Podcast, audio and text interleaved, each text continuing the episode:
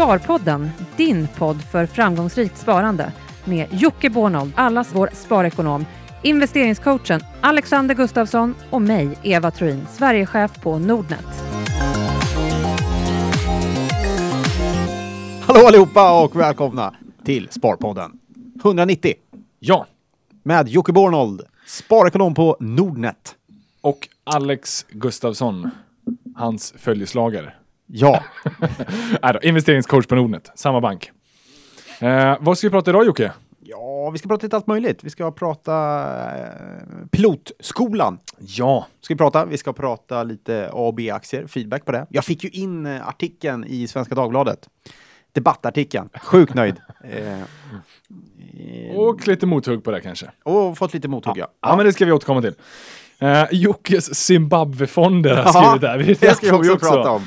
Jag har ingen aning, men jag ser spänt fram emot vad, vad an detta. Mm. Eh, och sen är det ju, går inte att missa, det är lite Almedalen nästa vecka. Ja, det är det. Så den ska vi på lite också. Och mycket, mycket mer. Så vi har ett fullspäckat eh, schema framför oss. Men vi kan ju eh, flyga in i första agendan. Pilotskola. Varför? Vad, vad menar vi med pilotskola? Eller så här. Kinnevik får en ny vd. Ja. Och eh, han heter ju då Georgi Ganev. Hoppas jag uttalar det rätt. Tillträder vid årsskiftet. Mm. Och eh, det är ju i sig jättetrevligt att han får en ny vd, eller att Kinnevik får det, investmentbolaget. Men det som är intressant och det hyllningsrop som har kommit efter det här är ju att han tar ett kontantlån från Kristina Stenbeck, Ja. Som är då storägare i Kinnevik, eh, om 20 miljoner kronor för att själv köpa Kinnevik-aktier. Och det här är ju en fantastisk signal mot aktiemarknaden. En vd som ska gå in nu i bolaget har ju en stor stek privat med i det här. Och det är det man då ofta refererar till pilotskolan. Ja. Alltså att eh, man har lite skin in the game. Mm. Faller skeppet eller eh, om nu planet störtar, ja då störtar ju piloten också. Veden i det här fallet. Är det därför det heter pilotskolan? Ja, jag tänkte jag skulle förklara det för dig Jocke. ja. Det såg ut som ett frågetecken. Ja. Eh, så det är ju superspännande. Han tillträder då vid årsskiftet. Sen så får vi väl se hur mycket han hinner köpa innan dess och hur mycket han köper när han tillträder. Och om han nu förhoppningsvis köper lite därefter. Tror du han tar någon eh, egen risk i detta på riktigt? Eller är det här lånet villkorat på något sätt? Eller? Det framgick ju inte. Nej. Det är ju den man ja, återstår att se. Men det är ju åtminstone ett så här 20 miljoner kronor. Det är ju ändå ganska mycket. Ett ganska schysst rikt, riktmått är ju någonstans en årslön kanske för vdn. Skulle, Går man in med det där och en vd tjänar ju ganska bra, ja, men då har man ju betydlig privatekonomiskt investerat i bolaget. Absolut. Men Jag gillar det skarpt. Ja. Jag är klart för det. Tycker det är jättebra. absolut. Men du menar att det skulle, ja, men absolut, alla villkoren framgår inte än. Det har Nej. inte skett några transaktioner än. Eh, nej, men det, det har ju funnits varianter på det här när man får låna eh, frikostigt men också att man är lite skyddad på nedsidan. Och så där. Men eh, då, då kanske man egentligen inte tar så stor risk. Nej, Men, eh, Nej, men det var det jag funderade lite på. Vad, alltså absolut, köp aktier, den gillar man ju mest. Men eh, vad tycker vi om optioner då? Den Nej, är ju, men jag- Det blir precis det konceptet. absolut. Då har du en uppsida Eh, med en begränsad nedsida. Nej, men jag kan tycka det är bra också. Men jag gillar ju att man har aktier i, Ja. som man äger och, och står och faller med någonstans. Eh, Men det är klart i det här fallet, jag har ju ingen aning om eh, Georgis privatekonomi, men, men eh, låna eh, 20 miljoner kronor av din chef för att investera dem i det bolag som du är anställd i. Det är ganska hög risk eh, Ja. på många sätt och vis eh, som man tar då. Så att eh, eh, ja, det gäller att man kommer överens med chefen. Ja, och det är väl inget sånt här egentligen råd som alla kanske bör följa. Det, det, blir är ju- tråkigt om det går dåligt. Börskursen halveras, du får sparken och by the way, du är skyldig din chef, din gamla chef 10 miljoner kronor också. Ja. Eh, eller ja. Eh, så det, det, Men åtminstone för aktiemarknaden är ju ett otroligt fint tecken. Ja. Alltså han är nu, eller han kommer bli investerad i bolaget. Sen så får man ju hoppas så att han hinner betala av lånet innan. Också givetvis att det ska gå bra i aktien. ja. Men då, man vill inte köra den här eh, Steve eh, Jobs-style då? Avsäga sig arvodet eller ta en symbolisk en dollar i lön och sen helhjärtat tro på bolaget. Nej. Det är lite för hardcore att gå kanske. Ja, det, det tycker jag man Det är kan inte göra. rimligt man att ställa de gränserna. Nej, det, de det, det, känns helt orimligt. Om man inte är Steve Jobs eller någon annan som kanske har en grundare naturlig eh, stake i bolaget, eh, då kanske. Men, men annars, nej, det tycker jag inte. Klart man ska ha en eh, marknadsmässig lön också. Det är självklart tycker jag. Ja. Men det finns ju några klassiska exempel från pilotskolan. Det är svårt att inte tänka på Melker Schörling och... Eh, Securitas var han vd på. eh, Jajamän, Ja, 80-talet. ja. Sen har vi ju eh, Ola Rolén. Ola Rolén idag. Mm. Verkligen. Börje Ekholm som Mm. eh, invest- Investor. Just Har det. också tagit stora betydligande. Eh, Karl-Henrik Svanberg. Mm. Ericsson. Vad var det? 2003 han tillträdde kanske. Okej. Mm. Köpte in sig ganska mycket. Så det finns några sådana här tunga namn som Ja. också har nyttjat det här. Och den är väl lite, eh, får man säga heder inom toppsfären av finans. Att man kanske ska göra lite det här. Det sänder ju väldigt, väldigt positiva signaler. Jag tror att många som gör det ser en chans att bygga upp en privat förmögenhet också. Och Ja. många har ju lyckats göra det eh, av de här topparna. Och då, då, då tror jag många tycker att det luktar lite illa eller att man tycker det är liksom fel att man ska kunna bli rik på det här. Eller, men jag tycker det är helt rätt. Jag gillar det. Jag tycker det är riktigt bra när företrädarna ehm, Ja, Eh, verkligen. Men, men egentligen tycker jag att det bästa är om alla i bolaget har möjlighet att gå in och bli aktieägare. Tycker det är jättebra när bolag har aktieägarprogram som är öppna för all personal. Ja. Ehm, där man har en möjlighet. Sen måste man ju tänka på sin personliga portfölj och vilken risk man vill ta mot sin arbetsgivare. Eh, så att man inte står och faller med den om man nu får sparken och det går dåligt. Men, men eh, jag, tycker det är, jag tycker det är jättekul själv att vara aktieägare i i det bolag man jobbar för. Jag har ingen möjlighet att vara det längre här eh, på Nordnet. Kanske dyker upp en ny chans, men eh, jag har varit det i Nordnet och varit på Nasdaq och, och var med i eh, de frivilliga program som fanns där och så vidare. Jag tycker det är det är oftast eh, det är ofta bra. Det är många gånger lönsamt och det är eh, också väldigt roligt tycker jag att vara med, inte bara som anställd utan också som en, en liten ägare på ett hörn. Så att Mm. det tycker jag till alla organisationer så, så tycker jag man inte bara ska öppna upp för vd utan gör ett bra aktieägarprogram för eh, all personal. Och som till er anställda, ligg på er HR-avdelning och vd. Absolut. Att eh, försöka fixa. För det blir lite samma princip. Du är eh, både investerad och du vill gå dit och göra ditt jobb och få din lön. Ja, Så att det är definitivt bra. ökar eh, lojalitet och incitamentsnivå och allt vad det kan vara. Det, jag gillar det. Ja. Jag är för det. Men du, eh, vet du vilken svensk börs som tror mest på det här då? Nej, det vet jag inte. Fredrik Lundberg. Ja, jo, det är klart. Är klart. Han är vd i Lundbergsföretagen. Så han har ju en enorm stek där i. Ja, det är klart. Eh, det vet, tror man nog inte så ofta att han är vd där. Mm. Utan man tänker nog mer att han är styrelse eller något sånt. Ja. Vet du eh, vem som ironiskt nog tror minst på det? Nej. Rickard Gustafsson. Nej, är det sant? Han är en smart på kille. SAS. Han, nej, nu, jag tror att man överdriver nog lite, men jag, jag kommer ihåg att det var någon artikel eh, för något år sedan Okej. om att han inte trodde på pilotskolan. Ja. Ironiskt nog då han är vd för SAS. SAS. Eh, men han har, inte, han har inte gjort sig jättemånga betydande köp. Han har 40 000 enligt senaste årsredovisning. Ja. 40 000 SAS-aktier. Mm. Så han är ju investerad, absolut. Eh, Men jag förstår honom. ja. Alla. han, han, det är okej menar du? Ja, det är ändå ett flygbolag han jobbar för. Jag skulle inte investera i det. Nej. Han, Eh, kanske har, han, han har inga preferensaktier. Det var kul att se. Nej, jag tror inte. Nej. Nej. Inte vad det framgick i årsredovisningen i alla fall. Okej. Oavsett. Men eh, sen så, ja, Kinnevik, ny vd, jättekul. För övrigt lite kul om Kinnevik. Vet du vad ordförande i Kinnevik heter? Oh, Tom eh, Boardman. ja, Otroligt passande namn. mycket passande. Eh, sen är han, han sitter ju inte där av efternamnet själv. Men, men eh, det är alltid lite roligt med sådana här namn. Born Old, till exempel. Ja. Pilotskolan, superkul. Ja, Ehm, lycka till Georgie Ganev. Ja, vi ger tummen upp. A och B-aktier. Du, eh, vi hade en liten diskussion i förra avsnittet. Ja, den här klassiska om företag ska ha A och B-aktier, olika röstlängder eh, längder på olika aktier egentligen. Där A-aktier då ger mer makt, men du behöver inte binda lika mycket kapital. Du går ut hårt och ratar det här. Tycker Ja. att det är... Ja, men det eh, gjorde jag. Jag gick ut hårt. ja, Absolut. Tycker att det är eh, tjafs för finansadeln. Och Ja, fick, men det har ju blivit så, eh, absolut. Ja. du fick din artikel. Ja, jag fick in min debattartikel eh, i Svenska Dagbladet i måndags var det med. Ja. Eh, ja, det blev ganska mycket tjohej kring den. Det, Ja. var ju, det var ju kul ju. Eh, många som eh, eh, höll med.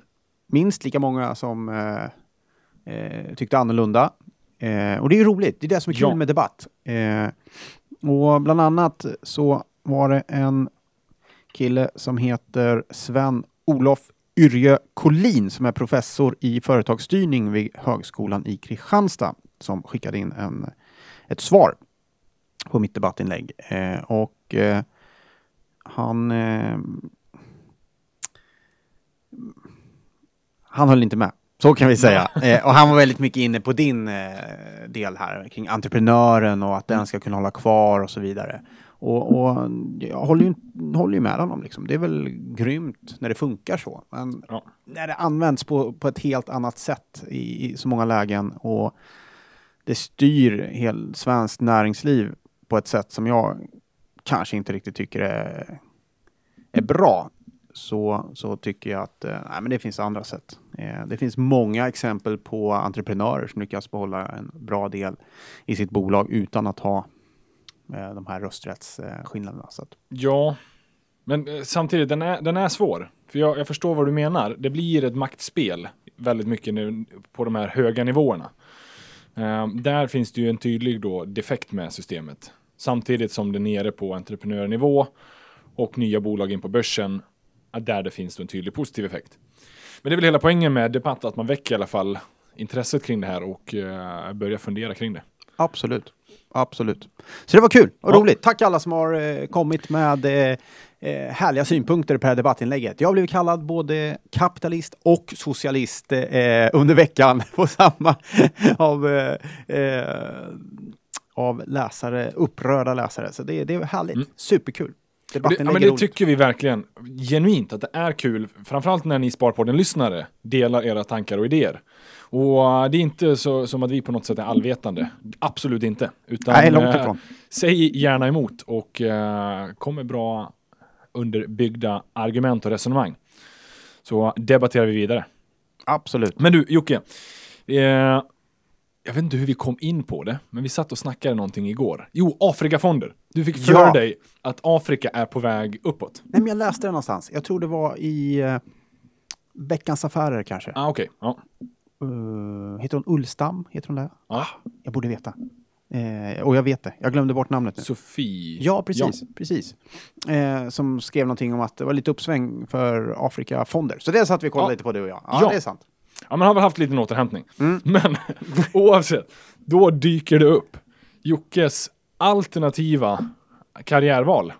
Men, Ja. men mer fick jag inte mer än så.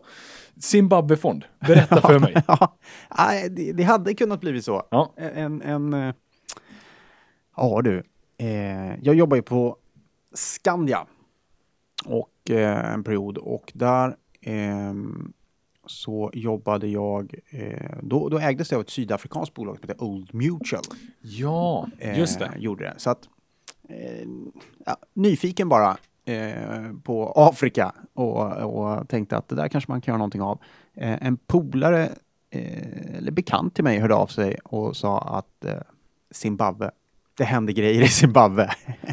eh, och eh, hade att göra med att han eh, träffat en tjej från Zimbabwe Ja. och eh, fått kontakter nere i Zimbabwe. Eh, och eh, ja, vi kollade verkligen upp möjligheterna att starta en private equity-fond eh, specialiserad på Zimbabwe.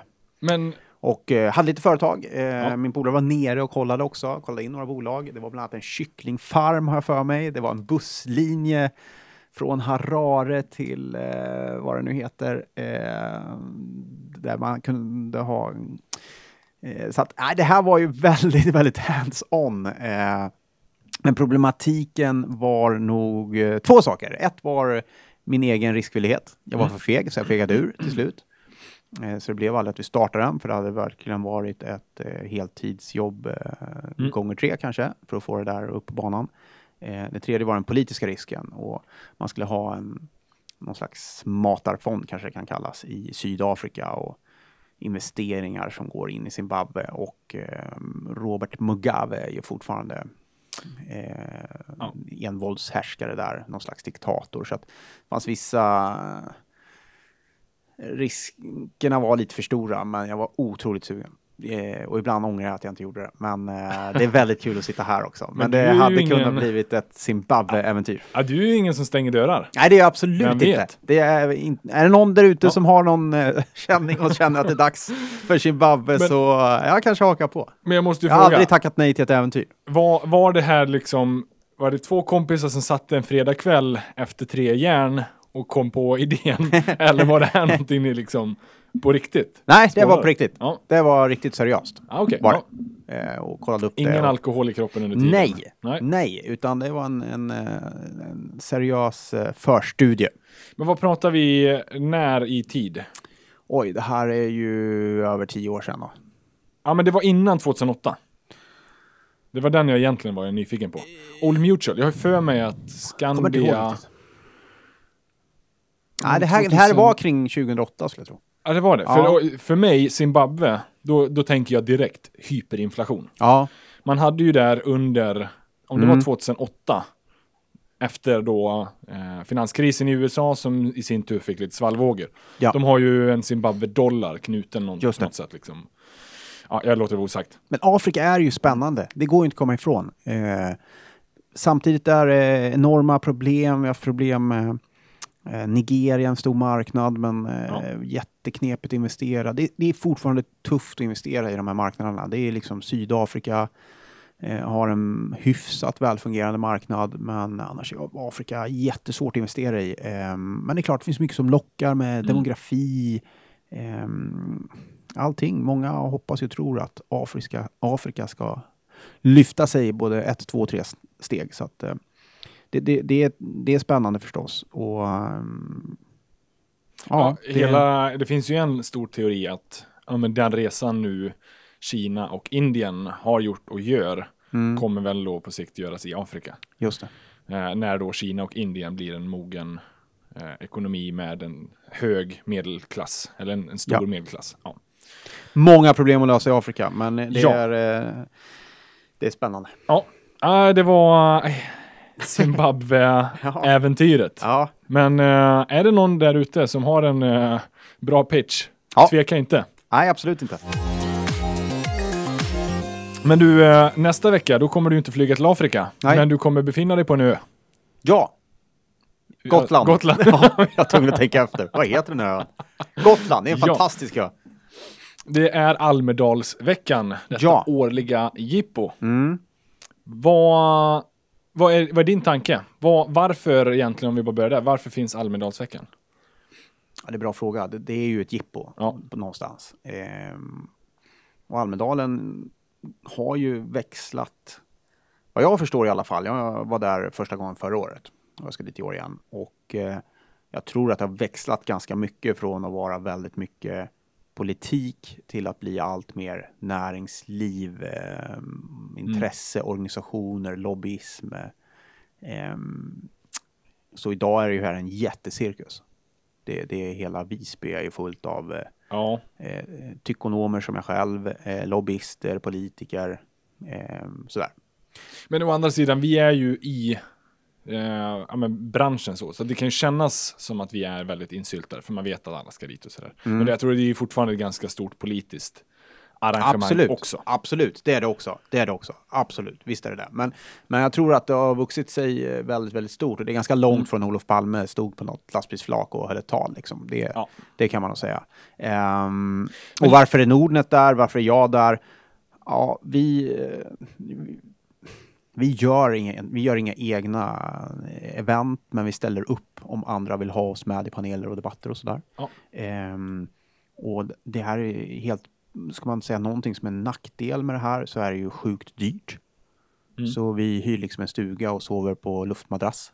Eh, så det är en ganska låg budgetsats. Ja, det är en ganska låg budgetsatsning eh, från vår Mm. sida och sådär. Men, men, eh, men självklart, det är bra att vara där alla andra är. Och kan vi påverka och eh, jag har bara ett uppdrag och det är att få föra spararnas röst. Det är Ja. mitt uppdrag om Nordnet och det är vad jag gör när jag är där. Eh, och de har stött på, försöka påverka. Eh, Mm.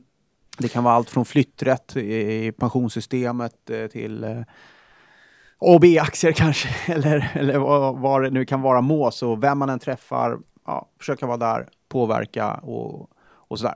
Eh, så det, det är varför jag är där Mm. eh, under de här dagarna. Då. Och, men det finns ju också ett stort syfte och det är bra att politiker och näringsliv möts och, och kan diskutera de här Ja, sakerna. jag tror ju väldigt mycket på det. Så- Jag tror att mötas under de väldigt eh, avslappnade formerna som det ändå är där en sommarvecka i Visby eh, så tror jag att det gynnar och jag tror det är bra.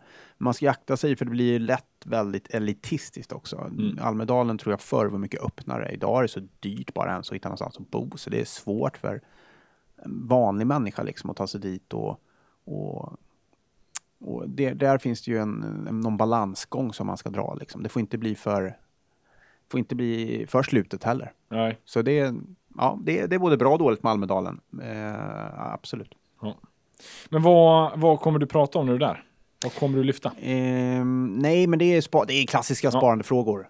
Eh, absolut. Eh, Fixar du flytträtten i pensionen? Eh, ja, en friare flytträtt vore ju fantastisk Ja. eh, om man kan peta in där någonstans. Ehm, men eh, det handlar väldigt mycket om, för mig handlar det väldigt mycket om att lyssna också. Ja. Och, och ska man lyfta fram någonting i Almedalen, om man har möjlighet att ta sig dit den veckan, gör det. Och åk dit och lyssna, därför att allt är ju gratis. Det finns sjukt mycket olika seminarium. Mm. Man kan lära sig hur mycket som helst. Eh, om man har ett specialområde eh, som man säger, det här skulle jag vilja lära mig mer om. Ja, det finns säkert någon eh, diskussion kring det och det roliga är att efteråt, folk är ju väldigt tillgängliga. Ja. Människor som man annars aldrig skulle nå. Eh, och om det är politiker eller företagsledare eller vad det än är. Och det, det är ju intressant och det är liksom ett tips då för mig om man har möjlighet. Och jag träffade några kunder eh, förra året. Det var superroligt. Eh, har ni möjlighet, vad vet jag, kanske ha tillgång till ett boende på Gotland eller åk dit och utnyttja den gratis tillfället att få lite utbildning. För Mm. det, är- det är egentligen vad jag gör om jag ska Ja. vara helt ärlig. jag tycker det är utmärkt, utmärkt på det sättet. Ja, men det är spännande. Eh, lära sig ett och annat. Det är alltid Ja. bra. Det kommer väl förmodligen diskuteras ganska mycket regelverk, känner jag. För det Ja. är ju, om vi bara kollar bankbranschen, så står man ju inför väldigt många nya regler Yes. som införs. Jag tror att det är någon slags fokus på entreprenörskap eh, Ah, i år. okej. Ja. Så det kommer vara mycket om eh, just företagande. Ja. Och företagarnas villkor tror jag. Ja, men det är bra. Mm. Var, var där, lyft spararnas röst. Vi, eh, vi litar på dig Jocke. Ja, tack. Och eh, du kommer säkert eh, skicka lite live-tweets och någon Periscope och någon Facebook live. Kan, Absolut. eh, Hör av er på, gärna på Twitter om det Ja. är något jag ska, någon jag ska fråga, något jag ska ta upp. Eh, hör av er på Twitter så försöker jag göra det. Mm. Absolut. Toppen. Eh, det är väl hela nästa vecka som Almedalen är va? Ja, ja men det är Ja. i alla fall någon gång där under. Yes. Jag åker första- på söndag, kommer Ja. hem på torsdag. Men jag tror det fortsätter hela vägen. Det fortsätter efter Jocke har lämnat. ja, det är kanske då det startar till och med. ah, Ja, vet jag. En liten annan spaning Mm. som eh, också är ganska aktuellt. Eh, kommer en ny form av fullmakt som heter framtidsfullmakt. Har det inte pratat så jättemycket om. Det, och det här är ju kanske för att det inte är det mest sexigaste ämnet. Så, men eh, efter halvårsskiftet här nu då, första juli, Mm. så kommer det vara en ny ja, fullmakt möjlig för svenska medborgare som heter framtidsfullmakt. Tanken är, väl, Spännande. ja, men tanken är väl lite den här att om man nu drabbas av någon form av sjukdom, föråldring, demens, liknande, så kan då ens familj och barn etc. ta över.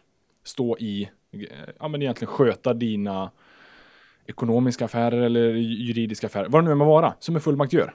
Mm. Haken idag är ju lite att när de här tillfällena sker så tillsätts en överförmyndare. Just det. Så det här är ju på något sätt att ersätta den här gode mannen Ja. med någon som förstår familjerelationerna. Mm. Och som man har kommit överens om nu tidigare. Ja. Så varför jag lyfter det är egentligen för alla där ute att fundera. Eh, det här är ju inte det roligaste ämnet att prata om och än mindre börja skriva fullmakter om. Nej. Att jag någon gång i framtiden då kanske blir eh, får demens eh, eller Alzheimers eller liknande. Ja. Och, och ja, det är inte kul, men har man allting förberett innan, då har man det på plats. Mm. Och det kan underlätta så enormt mycket för eftervarande generationer. Just det. Eh, utan att behöva liksom blanda in eh, allt för mycket krångel. Ja. Så att kolla upp Försök det. om man orkar vara transparent mot övriga familjen också, om man nu väljer ut den som får den här fullmakten. va? Man kan välja flera, Ja, så att det är också en fördel. Ja. Eh, och du kanske vill ha någon som vill sköta ekonomin, någon annan som sköter dagliga sysselsättningar, någon tredje som sköter juridik, vad vet jag. Du Okej. kan ge flera. Okej. Så att det där är... eh, Bra, jag gillar den här. eh, Jag gillar det. Jag Ja, tycker det är jättebra. faktiskt. Och det har funnits i de andra nordiska länderna. Och det har eh, fungerat väldigt, väldigt väl. Så Och, tillträda eh, nu då första juli. Just det, det var min fråga. Ja, så då eh, känner du att det här är någonting, ja men våga i alla fall öppna diskussionen hemma. Det, Absolut. sen behöver man inte fatta några beslut ännu. Men, men jag, jag håller med. Jo, jag gillar det starkt. gör det. Fatta beslut. Ta, skriv här framtidsfullmakt. Jag tror på det. Ja. Jag tror det är bra. Allt som man kan reda ut. Eh, sen får man hoppas att den aldrig behöver användas, men, men att den finns där. Det tror jag är bra. ja, men verkligen. För den är ju inte på något sätt, den måste användas heller. Men då har man det, en plan. Yes. Sen så, vi måste, eh, ett år sedan Brexit. Jaha, Det är faktiskt idag när vi spelar in, 27 juni. Eh, det var ju 27 juni 2016 som eh, svenska börsen öppnade upp efter vi hade sett ett eh, UK, ett Storbritannien-val, där man då röstade för att lämna Europa. helt galen midsommarafton eh, Ja. kan jag säga. Av eh, episka mått eh, för, min- för min del. för den, eh, Av andra Eh, skäl. ja, eh, Också, den började på... Jag var med i Expressen-studion och lovade att åka in en timme och Ah. prata lite Brexit och hur marknaderna skulle ta emot det. Mm. Och eh, det var Dagens Industri och eh, Expressen som körde live. Och, eh, och, och det, blev, det blev totalt åtta timmar som jag stod i den där eh, studion. Eh, så det var en lång dag Ah. och en lite lätt missnöjd fru som undrar var jag var någonstans. eh, faktiskt. Eh, det blev en väldigt lång dag. Eh, och sen när jag kom hem, vi hade massa gäster hemma eh, den där midsommaraftonen och eh, jag kommer ihåg att jag somnade i en fåtölj. mitt, mitt i alltihop så somnade jag. Eh, så det var en intensiv dag minst sagt. Ja. En svår, svår, svårt att glömma den där dagen då Ja. britterna röstade ut sig från EU. Och vi hade ju stängt i den svenska börsen. Så uh, vi fick ju inte, marknaderna hann ju inte riktigt liksom, anpassa sig. Utan man vi var ju tvungna att vänta hela vägen till måndag. Ja. Och där då brakade det ju lös. Mm. För mig vi öppnade ner 3,5-4 procent. Och det är ganska kraftigt för att, få liksom öppna. Ja. Och sen så stängde svenska indexet OMXS30 ner 8,5 procent. Mm. Och det är den värsta börsdagen i OMXS30 sedan man drog igång det indexet Just det. 1986. Jag tror Nasdaq eh, deklarerade fast market i derivatmarknaden också, vilket gjorde att eh, man insåg att det kommer bli svårt att ställa priser i Ja. derivatmarknaden. Och, nej, det var lite så här katastrofberedskap den där måndagen. Ja. Vad hände efter det sen då? Det är ju väldigt spännande. Sky's the limit. Sky's the limit.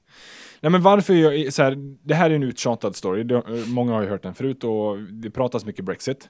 Men nu ser vi ju till dagens datum då, exakt ett år senare. Då är svenska börsen upp ungefär 38 procent. Eller 37 procent faktiskt. Det är ju väldigt fascinerande. Men det är ofta en sån här lärdom man kan dra av börsen. Vi, den tenderar att överreagera. Väldigt, väldigt ofta. Ja. Det kommer, i- ibland så blir det panik, elden bryter ut, då springer alla mot nödutgången. Mm. Och, och i det fallet är det ju bra att vi springer mot nödutgången, men ibland så kan det bli lite väl full fart. Absolut.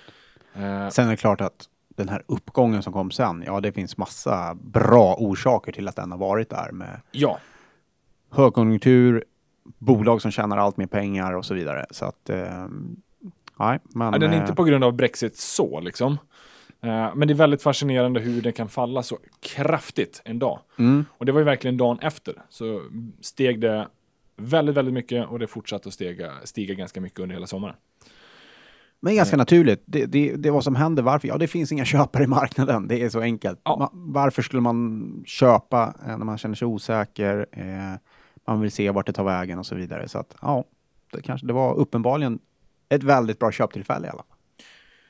Är det alltid det vid de här kristillfällena? Nej, det skulle jag inte vilja säga. Eh, för det beror alldeles på vad det kommer för nyheter och tolkningar på nyheterna. Ja. Eh, så det behöver det inte alls vara. Men det kan vara det.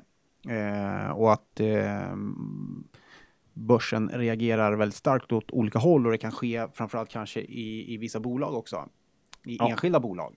Att det blir alldeles för starka reaktioner och, och sådär. Det är absolut, visst gör, visst gör det. Ja, det fanns ju ett gäng bolag som tappade en fjärdedel Mm. av börsvärdet under den här dagen. Ja. Så det var 24 25 procent ner. Jag tror Nordea var någonstans där, 20-25. Mm. Men, men oavsett, det är, exakt, det är inte alltid vi, vi ser sån här positiv tjurrusning efter. Nej. Jag kommer ju ihåg skuldkrisen 2011. Mm. Då var det också i september. Just det. Det var någonting, eh, eller om det var arabiska våren. Men det, de var ju överlappande där. Men det stängde ju ner ganska kraftigt och sen så, ja, sen 2011 fram till idag har vi haft jättebra utveckling. Mm. Men tar man istället då 2008, när man annonserar eh, kraschen i Lehman, Ja, ja, den, där sved det ju ett bra tag därefter. verkligen. Verkligen. Så att, nej, det finns ju ingen sån här given regel att man alltid ska köpa. Och det är alltid så enkelt att vara efterklok. Ja, så är det ju. Eh, det är jättemånga som vill säga nu att det där var allra bästa köptillfället. Mm. Nej, man behöver ju alltid se till omvärldsfaktorerna och hur mår ekonomin överlag. Nu har vi tur att vi har en låg ränta och vi har en starkt, eh, stark ekonomi och ökade vinster. Mm. Eh, men det där kommer inte fortsätta framöver, forever. Utan vi kan ju se Det dippar. kommer, det kommer absolut komma nedgångar på börsen, så, så är det. Ja, Men nu, nu pratas det ju än en gång om superkonjunktur eh, allt oftare, så att, eh, ja. att eh, ja, vi ja får se. då, då, då blir man lite, Ja, lite reflektion i alla fall. jajamän. Men du, eh, bra, ett år Brexit. Vi får se om Mm. ett år framöver. Vad, vad står börsen i? Ja. Har vi sett en uppgång eller inte? Jag tror inte vi får samma eh, uppgång som eh, Nej, senaste året. fall. vänta sig 40% per år. Den är väldigt eh, generöst. Ja. Mm. Inte säkert börsen är så generös. Nej, jag tror inte det. Oavsett, eh, lite sommar kommer snart. Så jag har Mm. knåpat ihop en sommaraktieutbildning. Ja, härligt. Bygg din poolfölj. Underbart namn. Eller hur? Jag trodde du hade stavat fel. I, bra! Poolfölj. Jodå! det märks att vi har mycket göteborgare på marknadsavdelningen nu. Ja, så är Ja, det. men det är, det är, kul. härligt. Gött. Poolfölj. Ja. Men, men den tycker jag... eh, Var hittar jag sommarkursen då? ja, men man, går, man går till nordnet.se slash poolfolj. Mm. Eh, eller bara gå till Nordnet så kommer ni hitta den. Ja. Eh, så att där, kasta in. Vänner, släkt, familj, glada grannar. Så får man lite tips och tricks. Ja, men det är en enkel 10-stegsraket. Du kan liksom ta del av den under sommaren. Du kan göra kalaset eh, i ett smack eller du kan göra den i 10 dagar eller under 10 veckor. Det är liksom på ett enkelt sätt komma igång med börsen. Hu- Hur ska jag bygga upp en portfölj? Vad ska jag tänka på? Vad ska man inte missa och sånt där. Mm. Så mycket bra för den då som vill liksom starta det här men vet inte riktigt var den ska starta. Ja. Lite bra visdom innan man, man liksom skjuter igång. Just det. Så att eh, ta gärna del av den. Den är absolut, den är helt öppen liksom. Det är, det är lättsmält information över sommaren. Som man kan då lära sig när man ligger där i poolen. Mm. Och eh, ja, ta det lugnt. Så kolla gärna in den.